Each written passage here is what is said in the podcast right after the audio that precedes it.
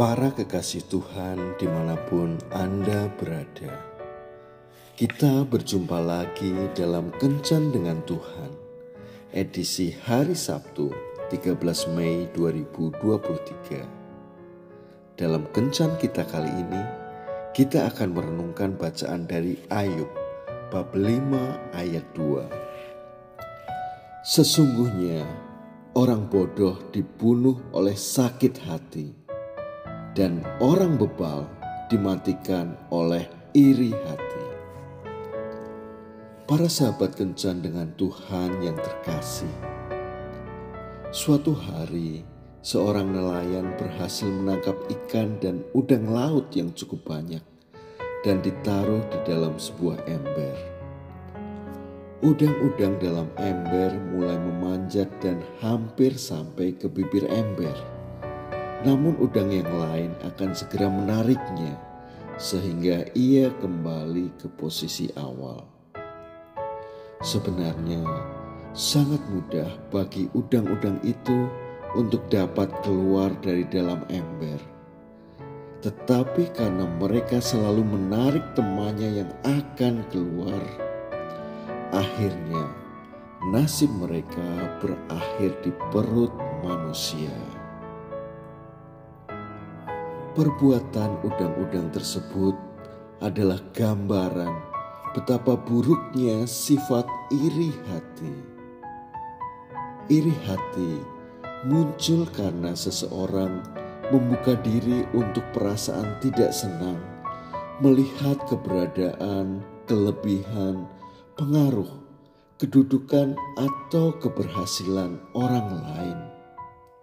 Hati manusia memang rentan dengan iri hati, karena iri hati dapat menghinggapi siapa saja, anak-anak, orang muda, orang dewasa, bahkan hamba Tuhan sekalipun. Kita harus menyadari bahwa tidak ada keuntungan memelihara iri hati. Iri hati mendorong kita untuk marah bertengkar, membenci, menggosip, memfitnah, bahkan mencelakai saudara atau sesama. Sebab di mana ada iri hati dan mementingkan diri sendiri, di situ ada kekacauan dan segala macam perbuatan jahat. Yakobus 3 ayat 16 Betapa mengerikan jika seseorang sudah terjangkit virus iri hati. Orang yang terjangkit virus iri hati akan mencoba untuk mencari simpati dari orang-orang yang mau diajak menjadi sekutunya. Kemudian membuat rencana yang jahat di mata Tuhan. Seperti yang dialami Yusuf karena iri hati, bapak-bapak leluhur kita menjual Yusuf ke tanah Mesir. Demikian dikisahkan dalam kisah para rasul bab 7 ayat 9. Akibat yang paling tragis dari iri hati adalah kita tidak akan mendapat bagian dalam kerajaan Allah. Seperti pernyataan Paulus, perbuatan daging telah nyata, yaitu iri hati, amarah, kepentingan diri sendiri. Bahwa barang siapa melakukan hal-hal yang demikian, ia tidak akan mendapat bagian dalam kerajaan Allah.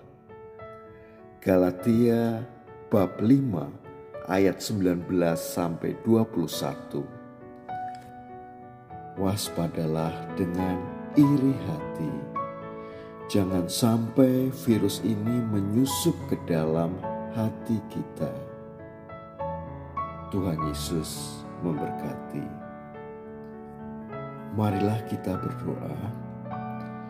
Tuhan Yesus, bantulah aku untuk dapat menerima orang lain apa adanya dengan segala kelebihan dan kekurangannya lepaskanlah roh iri hati yang saat ini menguasai hatiku. Kuduskanlah kembali hatiku, agar damai sejahteramu dapat tetap tinggal di dalam hatiku. Ya Allah Roh Kudus, masuklah dalam hatiku dan kuasai hatiku dengan kasih-Mu, agar hidupku dapat menjadi berkat bagi orang lain, bahkan bagi mereka yang memusuhi aku. Amin.